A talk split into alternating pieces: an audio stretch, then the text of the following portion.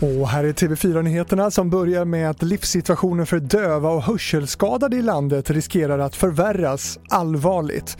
Myndigheten för delaktighet varnar för brist på teckenspråkstolkar eftersom få söker sig till yrket samtidigt som många lämnar det.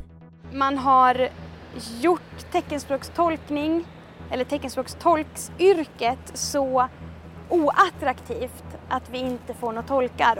Det sa Åsa Bylén, tolk och sekreterare på Sveriges teckenspråkstolkars förening. Katten ska följa hunden. Ja, från 2023 kan det bli obligatoriskt att registrera och märka katter.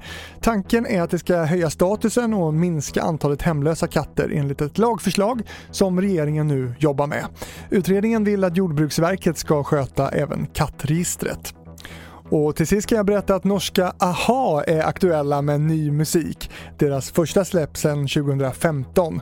Totalt blir det 12 låtar som kommer efter nyår, det rapporterar norska VG och enligt tidningen utgör engagemanget för miljöfrågan själva grunden i projektet.